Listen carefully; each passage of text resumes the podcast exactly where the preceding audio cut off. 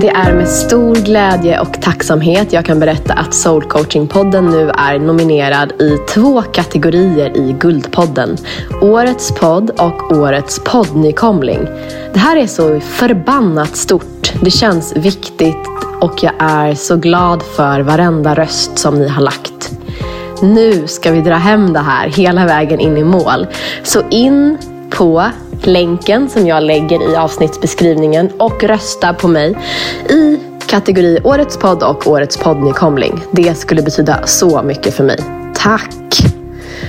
Och jag tänker även att det skulle betyda mycket för er som vill se mer av Soul Coaching-podden i framtiden. Det skulle liksom ge podden en extra knuff och en ökad, ökad motivation att fortsätta med det här hjärteprojektet. Nåväl, det här avsnittet handlar om Linn. Jag möter Linn i coachingrummet och vi pratar om glädje. Och kanske framförallt pratar vi om att våga vara mer processorienterad snarare än resultatorienterad. Hmm. Jag kan i alla fall känna igen mig i att jag många gånger i livet har fastnat i resultatet istället för att våga vara i och med processen. Här kommer Linn.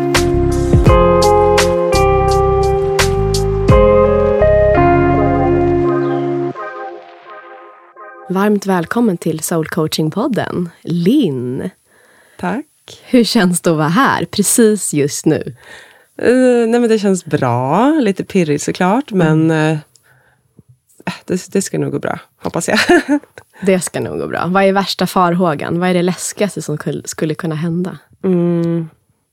Nej men att man ska säga något konstigt, eller bara så vetskapen att det, det spelas in och att folk kanske kommer lyssna på det. Det är väl, det är väl mest det liksom. Just det. Den vetskapen. Uh. Att någon annan tar del av det. Ja, exakt. Mm. Och det har du inte gjort förut? Någon, någon gång sådär att du har varit med i? Nej, det är första Nej, gången. första gången. Fucking first time, som Brené Brown brukar säga. De där gångerna som är ofta sårbara, läskiga, men väldigt, väldigt frigörande också när vi har tagit oss igenom dem. Så som sagt, välkommen hit. Varför sitter vi här? Vad var det som drog dig hit? Vi träffade, vi kan ju börja med, hur träffades vi? Ja, vi träffades ju på en loppis ja. eh, för några veckor sedan och det var ju i er lokal, eller er studio. Så, Inte min, men mina kollegors. Ja, dina kollegors. Mm. Eh, nej men, och då så tycker jag att det lät så himla spännande med life coaching, för jag känner att det är verkligen någonting som jag skulle behöva. Eh, och när du berättade om podden så kände jag bara, ja ah, men gud vad spännande. Så roligt. Och vi, det var väl också så att jag köpte en tröja som du också var sugen på? Nej, en kofta. Ja. Ja, eller hur? Ja, det var du som köpte den. Den jäveln, vad fan sitter vi här för? Ja, det var roligt. Jag hade tänkt ha på mig den idag, men så gick den inte riktigt under jackan. Och så kom jag på det, just det. Mm. Nej, det, då hade jag blivit lite sur. Jag blev påmind. Eller hur? Suttit med den hela spelningen. Ja men okej, okay. och vad, vad, varför? Alltså vad är motivationen? Vad, varför vill du vara med i den här podden? Vad är det du går och bär på just nu som du längtar efter att få lite mer klarhet i? Mm, nej men jag känner att eh, jag har ganska mycket som jag går och bär på. Och jag tror att det kanske är många som kan gå och tänka eller känna likadant. Och jag tänker att det är bra att prata om, för det känns som att det är lite tabu. Eller ja, sånt som man kanske håller för sig själv. Just det. Mm, vad fint. Vilken härlig, viktig motivation. Tack för att du är här och gör det här för dig själv och gör det här för oss, för mänskligheten, mm. tänker jag. Men kan inte du börja med att berätta lite om dig själv? Så här, bara, vad gör du om dagarna? hur ser liksom tillvaron ut? Mm. Um Just nu så har det varit en ganska hektisk period de senaste veckorna. Eh, jag och en gammal, eller inte gammal, ganska ny kollega eh, träffades i augusti, så vi har inte känt varandra så länge. Men vi har startat ett företag. Eh, så att, och det, det är jättespännande. Och eh, vi har fått in, inte flera kunder, men några kunder. Och eh, jag var väl lite tvivelaktig inför det här företaget. För jag tänkte att nej, men det kommer inte bli något. Eller vi kommer inte få några kunder. Och, eh, ja, men så jag var väl lite så nervös för det, eller lite tveksam. Och så just för att jag har tvivlat lite över om det är det här jag vill göra eller om det är det här jag är bra på. Men sen tänkte jag bara, men för att eh, jag blev arbetslös i början på september, så jag har sökt jobb eller så fasta anställningar. Eh, men så hade det varit jättesvårt, eller för att jag jobbar ju i, vad ska man säga, eh, reklambranschen eller så kommunikation och content. Och just nu när branschen ser ut som den gör, så är det ju ännu tuffare att liksom få jobb. Eh, så då tänkte jag, att ah, men jag testar det här, så kan man ha det vid sidan av och så kanske man får en fast anställning. Men eh, nej, men och så, så har vi fått in en kund som vi jobbar med och de vill förlänga eh, samarbetet och så kanske en till kund. Så att, eh, nej men det, det, det rullar på. Kul! Mm. Grattis och vad modigt att du liksom vågade se det som en öppning. Att liksom bjuda in någonting nytt i ditt liv och att våga prova det här. Mm. Nej, men det, det är jättespännande. Mm. Också läskigt. Såklart. Det är både och, eller hur? Mm. Och vad är det du bär på? Vad är det du vill öppna upp för i det här samtalet? Mm, alltså, det är lite svårt och hur, hur jag ska börja. Mm. Så jag tänker att jag bara kör på lite. Men jag har väl... Jag tror att det främst handlar om dåligt självförtroende. Eller självkänsla. Och det har väl bakgrunden i Um, nej men om, det handlar mer om så här karriär. Och jag tror att jag länge har associerat mig eh, med det jag gör. Och jag har väl alltid tänkt så att ja, men jag vill eh, vara framgångsrik, jag vill gärna jobba på någon cool byrå. Eller liksom, och jag har väl tänkt så att ja, men det, då är man lyckad. Eh, men sen så har det inte riktigt blivit så. Utan, ja, men, för jag, jag bodde i, London i fem år och så mm, jag pluggade där, men sen så blev jag kvar. Och så provade jag att jobba på lite olika byråer, men det blev inte riktigt som jag hade tänkt. Och tanken var väl egentligen att jag skulle bo kvar där. Men sen så, det slutade med att det blev inte som jag ville. Och eh, ja, men så bara känner man lite, jag känner mig lite eh, misslyckad och lite... Vad var det du blev, ville då? Nej men jag tänkte så här, ah, men nu är jag, jag bor i London och jag trivdes väldigt bra annars. Um, men just där att rent karriärsmässigt eller med jobb, att jag um, um, Ja, men jag fick inte de jobben som jag ville mm. och där jag mm. såg mig själv vara. Det. Så det kändes ju som ett nederlag. Mm. Men sen så mådde jag rätt dåligt där på slutet och så kände jag bara men jag behöver eh, miljöombyte. Så tänkte jag ja, jag flyttar tillbaka till Sverige igen och så hamnade jag i Stockholm. Um, så. Mm, vad kom du hem med för känslor? vad tog väl, du med i bagaget hem? Alltså dels många um, lärorika erfarenheter. Och eh, alltså jag kände väl att jag hade växt jättemycket som person och liksom genom att vara där. Så det var ju jättemycket positivt också. Men det var väl också lite att jag flyttade hem för att jag var lite deprimerad och mm. ja, men att det inte hade blivit som jag hade velat. Och då, ja, men lite så misslyckande. Mm. Och det var Fanns det jobbigt. skam också? Ja. Mm. Det gjorde det. Och det var väl främst inför kanske min familj och ja, med vänner. Liksom, att, för jag ville ändå vara framgångsrik eller göra något som var lite häftigt. Um, ja. Hur tog du hand om de där känslorna? Då? Som där, de där känslorna som liksom också åkte med bagaget hem till Arlanda? Mm, alltså det här var ju några år sedan nu, så jag kommer inte helt ihåg. Mm. Men jag tror inte att jag dealar med dem på något särskilt sätt. Utan jag tror att jag ganska lätt att bara köra på. Yeah. Um, och kanske inte deala med sådana här jobbiga känslor.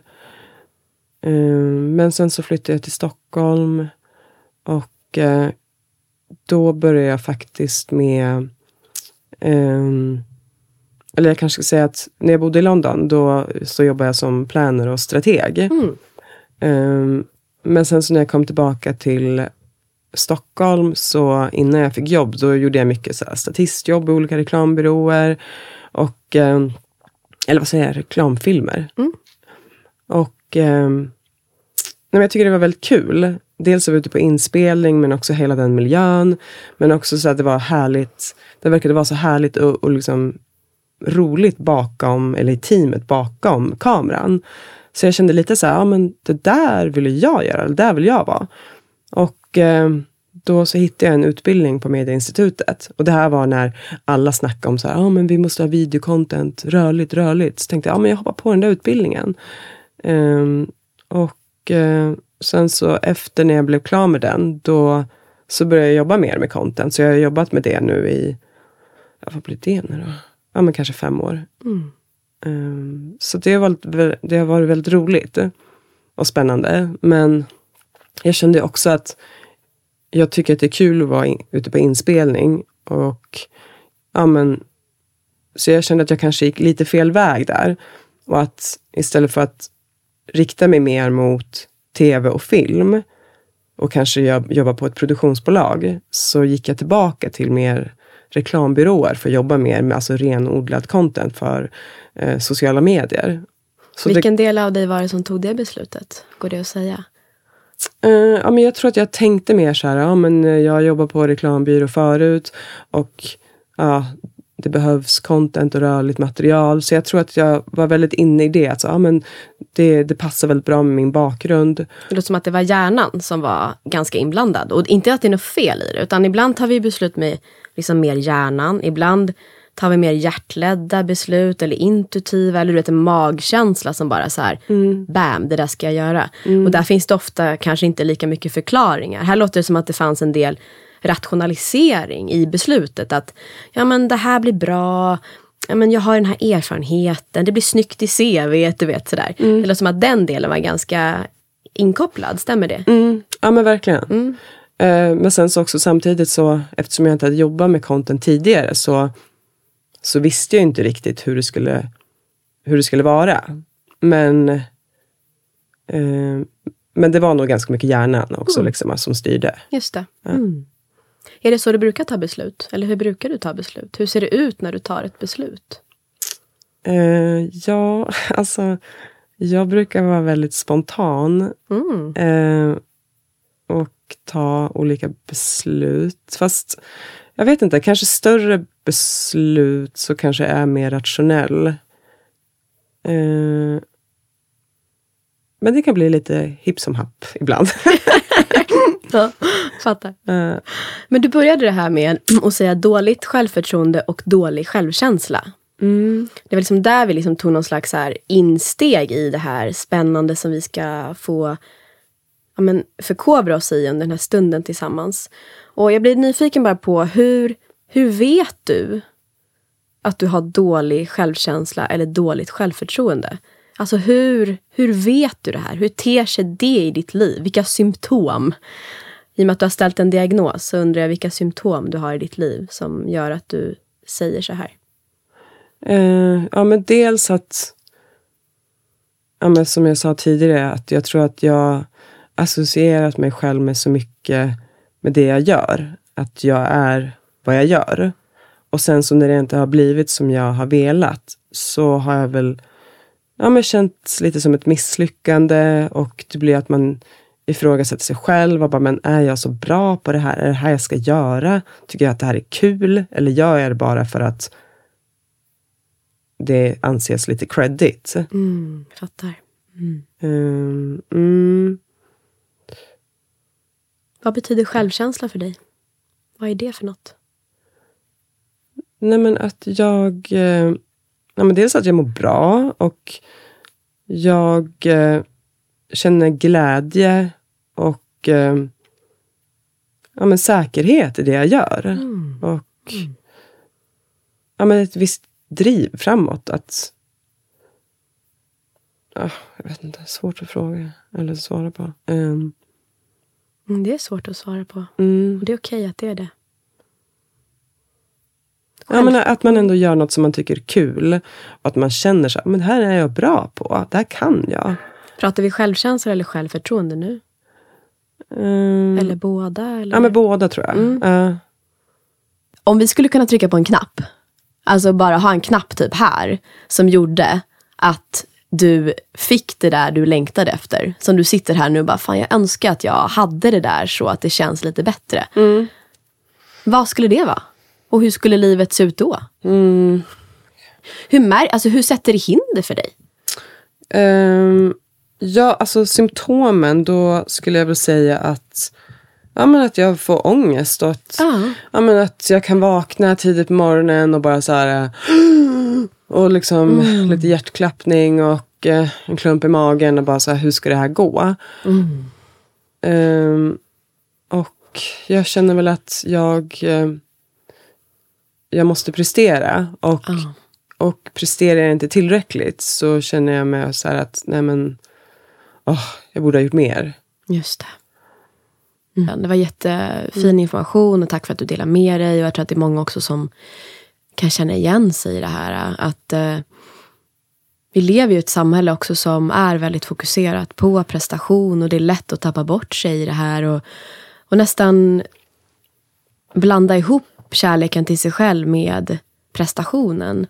För det är svårt att villkorslöst älska, acceptera, respektera sig själv i ett samhälle där allting bygger på att vi typ har brister som borde fixas eller att vårt värde sitter i hur framgångsrika vi är. Alltså det är ju hela tiden ett sånt samtal, ett sånt surr som går i bakgrunden. Oavsett vart vi vänder våra blickar, förutom om vi typ är kanske i skogen eller ja, någon annanstans där vi är lite mer isolerade från samhällets brus, så är det en ständig påminnelse.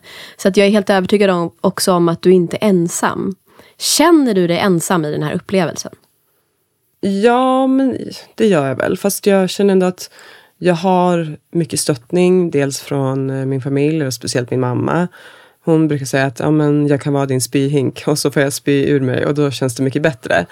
Eh, men sen så har jag också många fina vänner som man kan prata med. Så det, det är jättefint och skönt att ha. Mm. Har du relationer där du kan vara sårbar? Det är jättefint att du har en spyhink. Det tycker jag alltid är så här. Jag tror att det är Dr. Diamantis en som jag följer på Instagram. Han brukar, han säger inte spyhink, men typ slaskhink eller någonting sånt där. Att det är så himla värdefullt att ha. Någon som faktiskt inte heller går in för att så här lösa, utan där du faktiskt bara får Exakt. spy, släppa av dig liksom. Vad fint att du har det. Och i dina övriga relationer, det här med sårbarhet och bygga upp murar och väggar. Liksom, hur, hur ser det ut med det? Att våga vara sårbar. Och varför jag frågar, dels för att jag är väldigt nyfiken, men också för att jag har märkt att självkänsla väldigt många gånger har många trådar kopplat till sårbarheten och modet. Förr har vi pratat om självkänsla, liksom att man kanske går direkt in i det här att ja, men, kärleken till sig själv och att vi ständigt ser vårt egna värde och att jag vet vem jag är och så vidare. Men jag ser väldigt många kopplingar även till de parametrarna kopplat till sårbarheten. Så jag blir nyfiken på hur det ser ut för dig när det kommer till att våga vara sårbar, att våga riva dina murar i relationer och i mötet med dig själv framför allt. Alltså jag tror att jag lätt kan sätta upp en liten vägg. För att det är bara vissa som jag kanske känner mig bekväm med att släppa in. Som jag kan vara sårbar med. Annars så kan jag ofta vara den här roliga och så här sociala tjejen som bara snackar och är så här skön. Men det kräver också väldigt mycket energi. Så att beroende på vilka jag umgås med så ibland kan jag känna på att jag orkar inte umgås med den där personen. För att jag känner att antingen att jag får driva samtalet eller liksom, om du vet, ställa frågor. Och, och ibland så orkar inte jag det.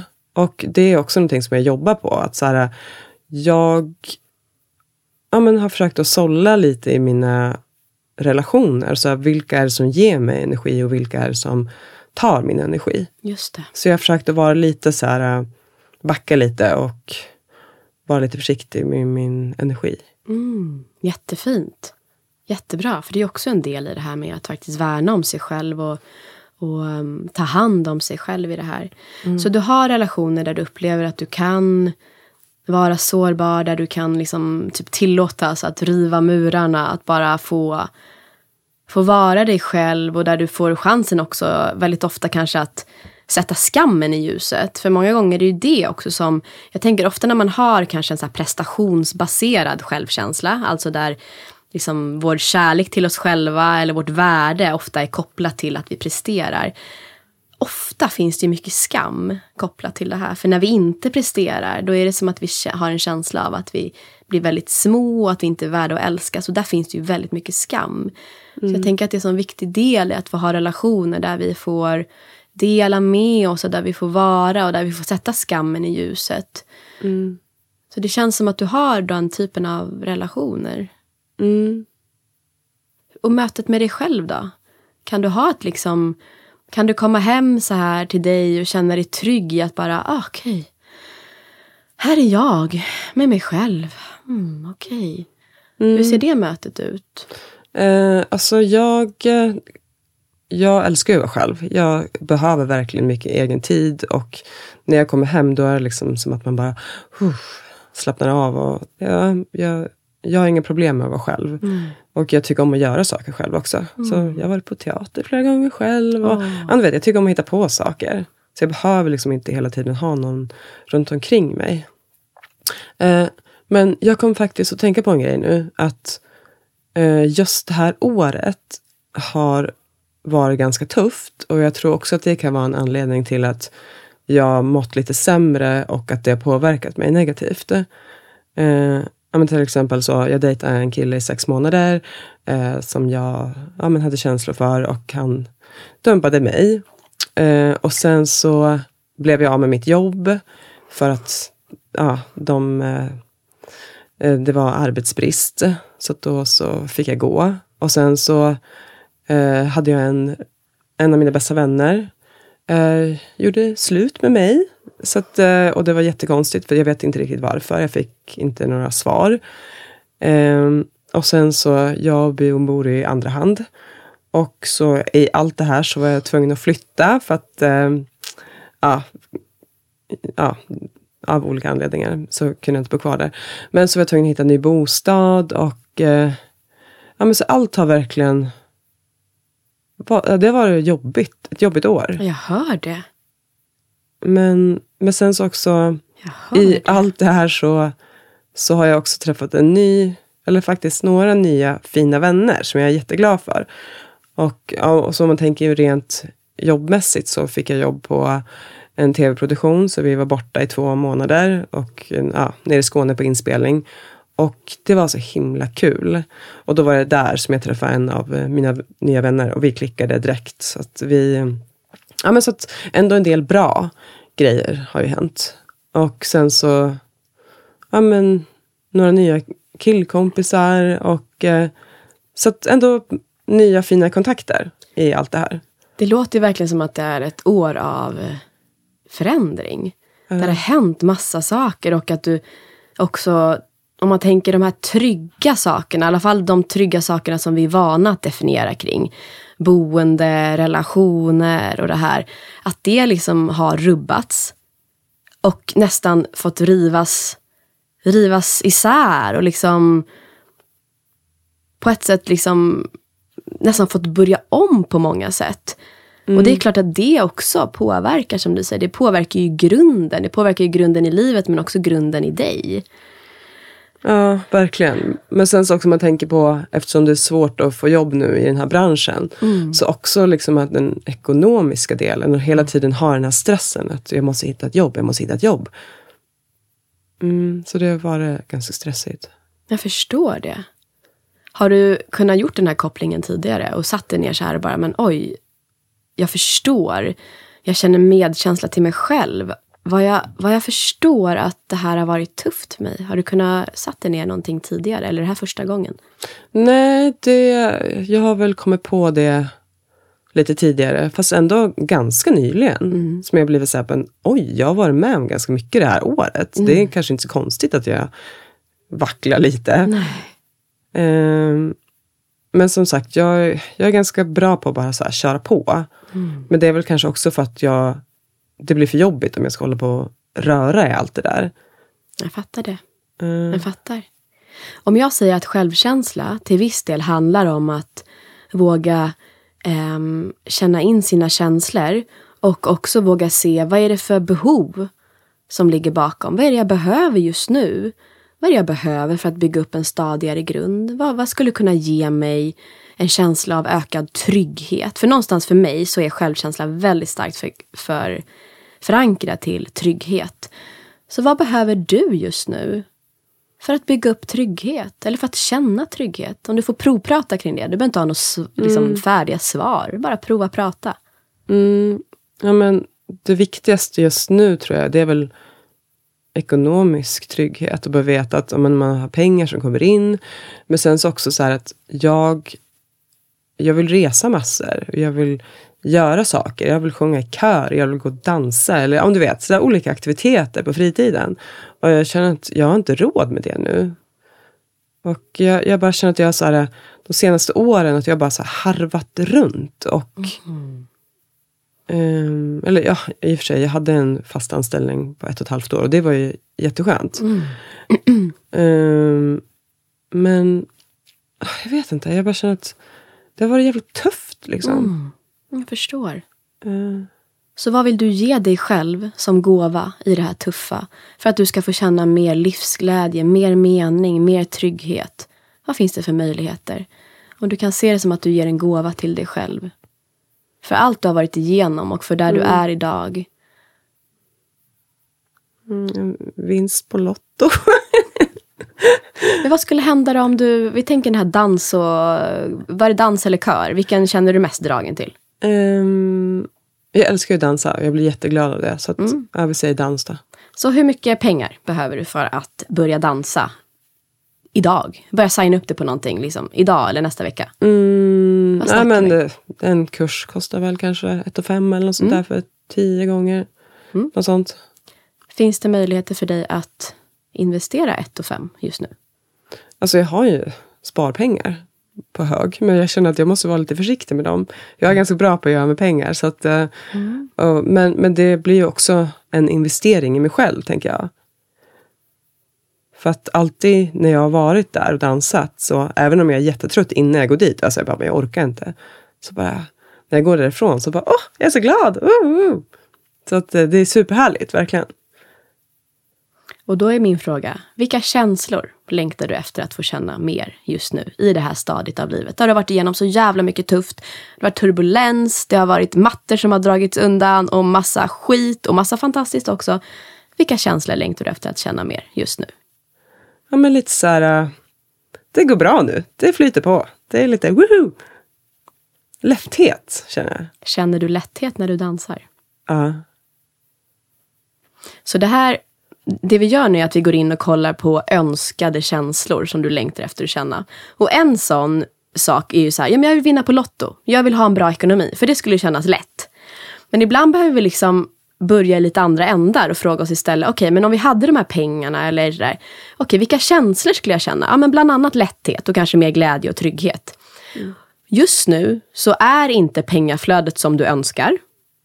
Men det finns fortfarande känslor kopplat till det där efterlängtade pengaflödet som är just lätthet, glädje och trygghet. Mm. Och de kan du skapa här idag. Och det här låter så klyschigt, men när vi vågar börja titta på hur vi kan skapa de där känslorna idag på andra sätt än bara så här, jag måste ha pengar, jag måste ha pengar. Mm. Då brukar det också komma en ökad tillit till processen. Mm. Av att så bara jag ger mig själv det jag behöver. Du känner den här glädjen, lättheten och tryggheten. Och ofta då kommer du också få in nya perspektiv.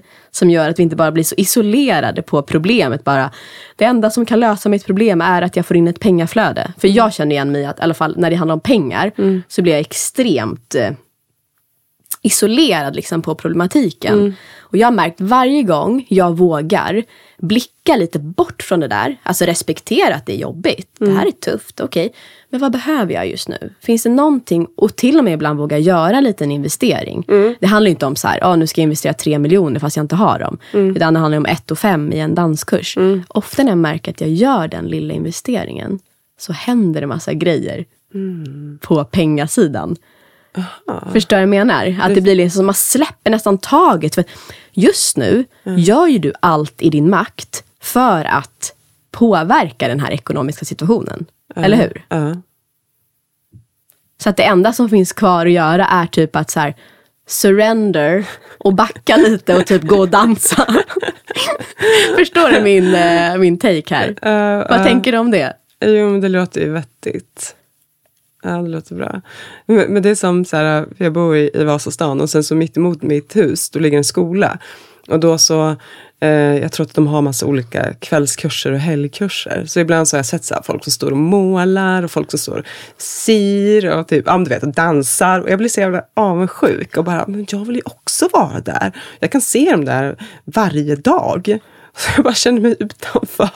Ja, du vill in. Du Ja. vill in i skapandet. Ja. Det kreativa. Ja.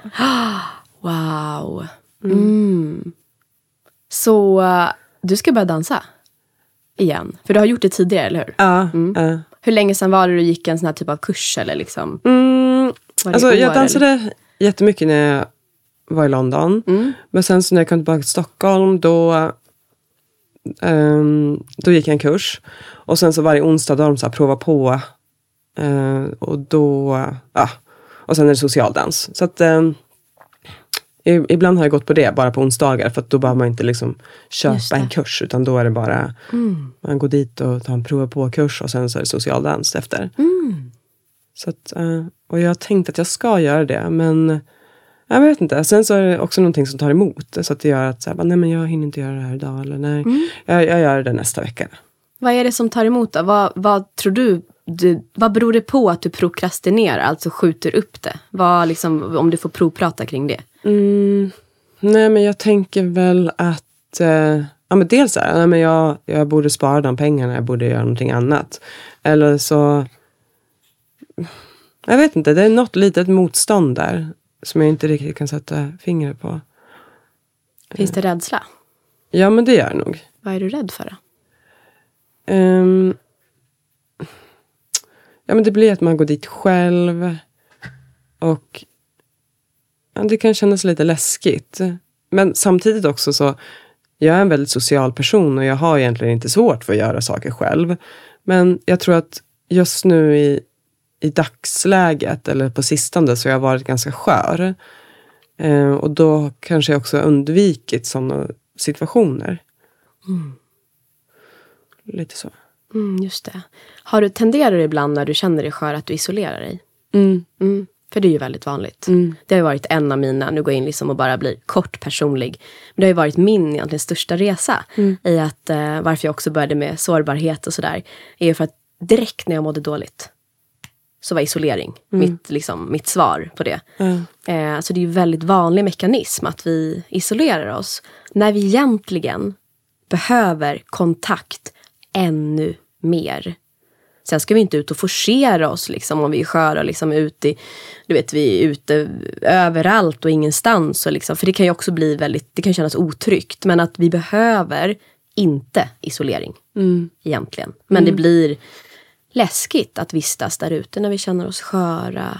Någon ser oss. Och Mm. Det blir att vi vill gömma oss och så vidare. För det här samhället är också, vi ska vara starka och vi ska klara oss själva och så vidare. Mm. Ja men verkligen. Men hur känns det när du tänker på, om vi säger att vi efter det här samtalet liksom på något sätt bara bestämt att ja, men nu ska vi investera 1 och 5 i, i danskursen. Hur känns det i din kropp och i ditt hjärta? Och om du liksom lämnar huvudet för en stund och bara går ner i kroppen och bara hur känns det för mig i mitt hjärta? Eh, jo men det känns bra och det är lustfyllt. Men samtidigt så tänker jag också så här att ja, men jag kanske vill gå den där sykursen istället för. Eller eh, att det blir lite så att jag måste välja. Just det. Eller prioritera vad jag helst vill göra. Och då är det också lätt att det inte blir någonting. Ja. Eller hur? Ja. Det blir någon slags beslutsparalys. Eh, Men ditt, din första impuls, är det dansen? jag vet inte. Nej? Eller jo, kanske. Det kan ju vara så att dansen också kan hjälpa dig att få igång liksom ett flöde av men det här kreativa flödet. Jag tänker när man kommer ner i kroppen på det här sättet och liksom får röra sig till musiken och skapa dina egna rörelser. Då kan det också vara så att det kommer svar till dig, fler svar under den här liksom terminens gång av du kanske får för dig, nej men nu ska jag gå och köpa schysst akvarellpapper och nya färger eller vattenfärg som jag ska gå hem och bara måla med. Ja. Mm. Alltså det kan ju föda mycket Mm, ny energi i kroppen. mm, ja, men verkligen. Ehm, Men det är samma sak där, eller samma sak vet jag inte. Men, eh, för att jag har målat ganska mycket tidigare. Och då var man väl ja, men, ganska bra. Eh, och då tror jag att så här, om det blir lite att då har man så höga krav, för då tänker man så att ah, men det ska bli lika fint eller bra som när man målade ofta. Och eh, ja. Vad tänker du om det nu när du säger det där högt? Vad vill du säga till dig själv? När den där meningen Att- ploppade ut. Nej, att jag fick en insikt att men så där kan jag inte tänka. Det blir ju jättetråkigt. Då, då kommer det sluta med att jag inte gör någonting.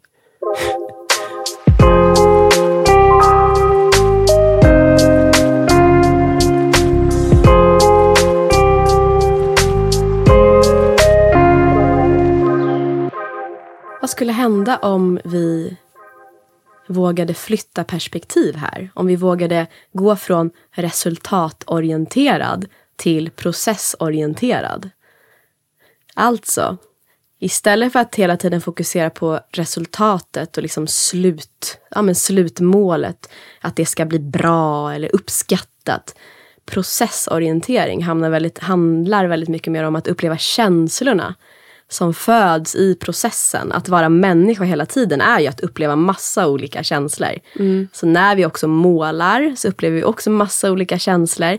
Vad skulle hända om vi bara lekte med tanken att vi skulle kunna förflytta dig in i processorientering istället för den här resultatorienteringen? Känns det helt främmande för dig? Eh, ja, men lite. Men samtidigt också väldigt skönt.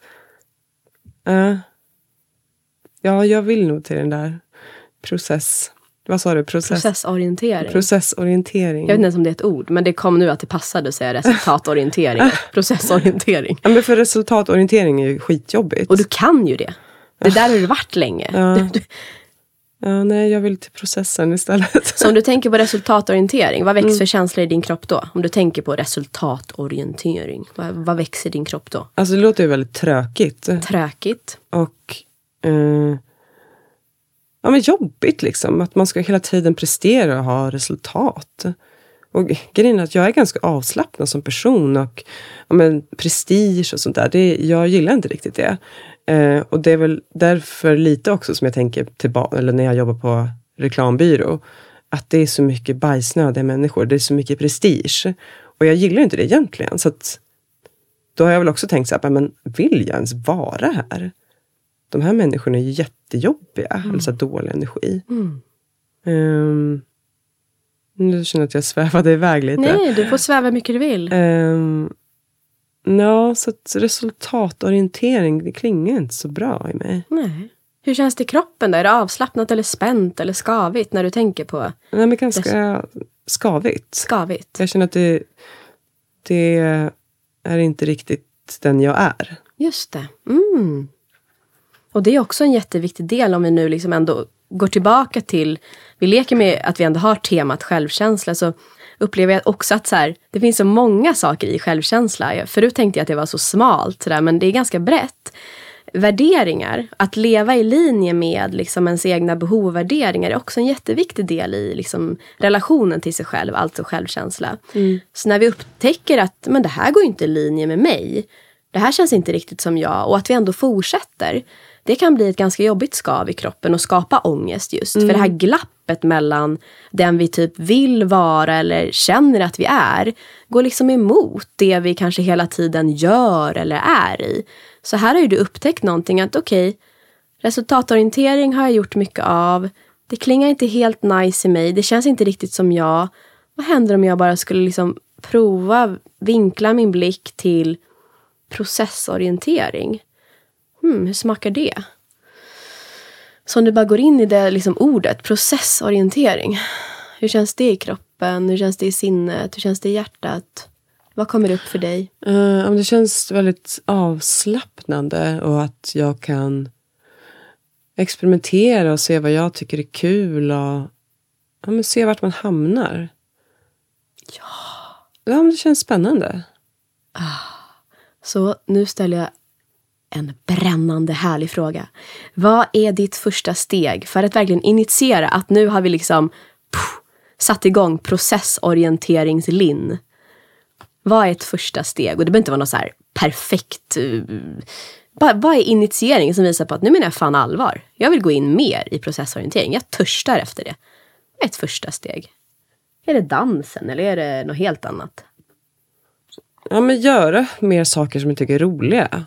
Mm. Um, jag vet inte, jag känner att jag fastnade lite där. Fast du sa ju ett fantastiskt svar. Göra saker som är mer roliga. Alltså hur många gånger har inte vi vuxna glömt bort det? Uh. Lust, lek och vila uh. är ju saker vi vuxna, upplever jag i alla fall, tänker att äh, det, det där kan man göra på förskolan. Ja. Liksom. Så att lust och lek, mm. glädje. Går det att spotta ur ett par saker som du tycker är roliga, som faktiskt är glädjefyllda för dig? Du har nämnt några, dansen. Mm. Vad är mer kul? Nej, men jag tycker om att och umgås med människor. Och, ja, men så här, gå och fika eller gå på utställning. Vara ute i skogen. Jag älskar att vara ute i skogen. När var du i skogen senast? Igår.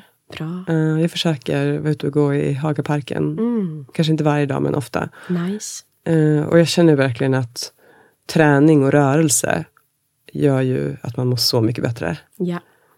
Och musik. Jag älskar att gå på spelning. Mm. Ja, har du uh. någon spelning inbokad framöver?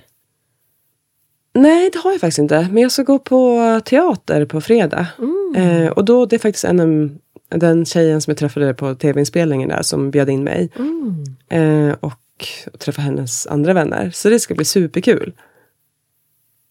Superkul till och med. Uh, mm. uh, men vi, jag gillar henne så himla mycket. Så att, um, mm. Det ska bli jättekul. Uh. Mm. Hur känns det så här långt in i samtalet? Så här, känner du att du har fått in någon ny insikt eller någon ny nyckel liksom, kopplat till det här med kärleken till dig själv och relationen till dig själv som vi har varit inne på nu med självkänsla? Mm. Är det något som har dykt upp? Ja, men alltså, jag känner ju att jag känner att jag har varit och svajat ganska mycket hit och dit. Um, och att det rör upp många olika känslor. Um, men också att ja, men vissa grejer har blivit lite synliga. Mm. Um, men och, och, att jag känner att jag kanske har fått en ny riktning eller någonting annat att fokusera på. Ja, men som det här med eh, processorientering istället för att allt ska vara så resultatinriktat. Just det.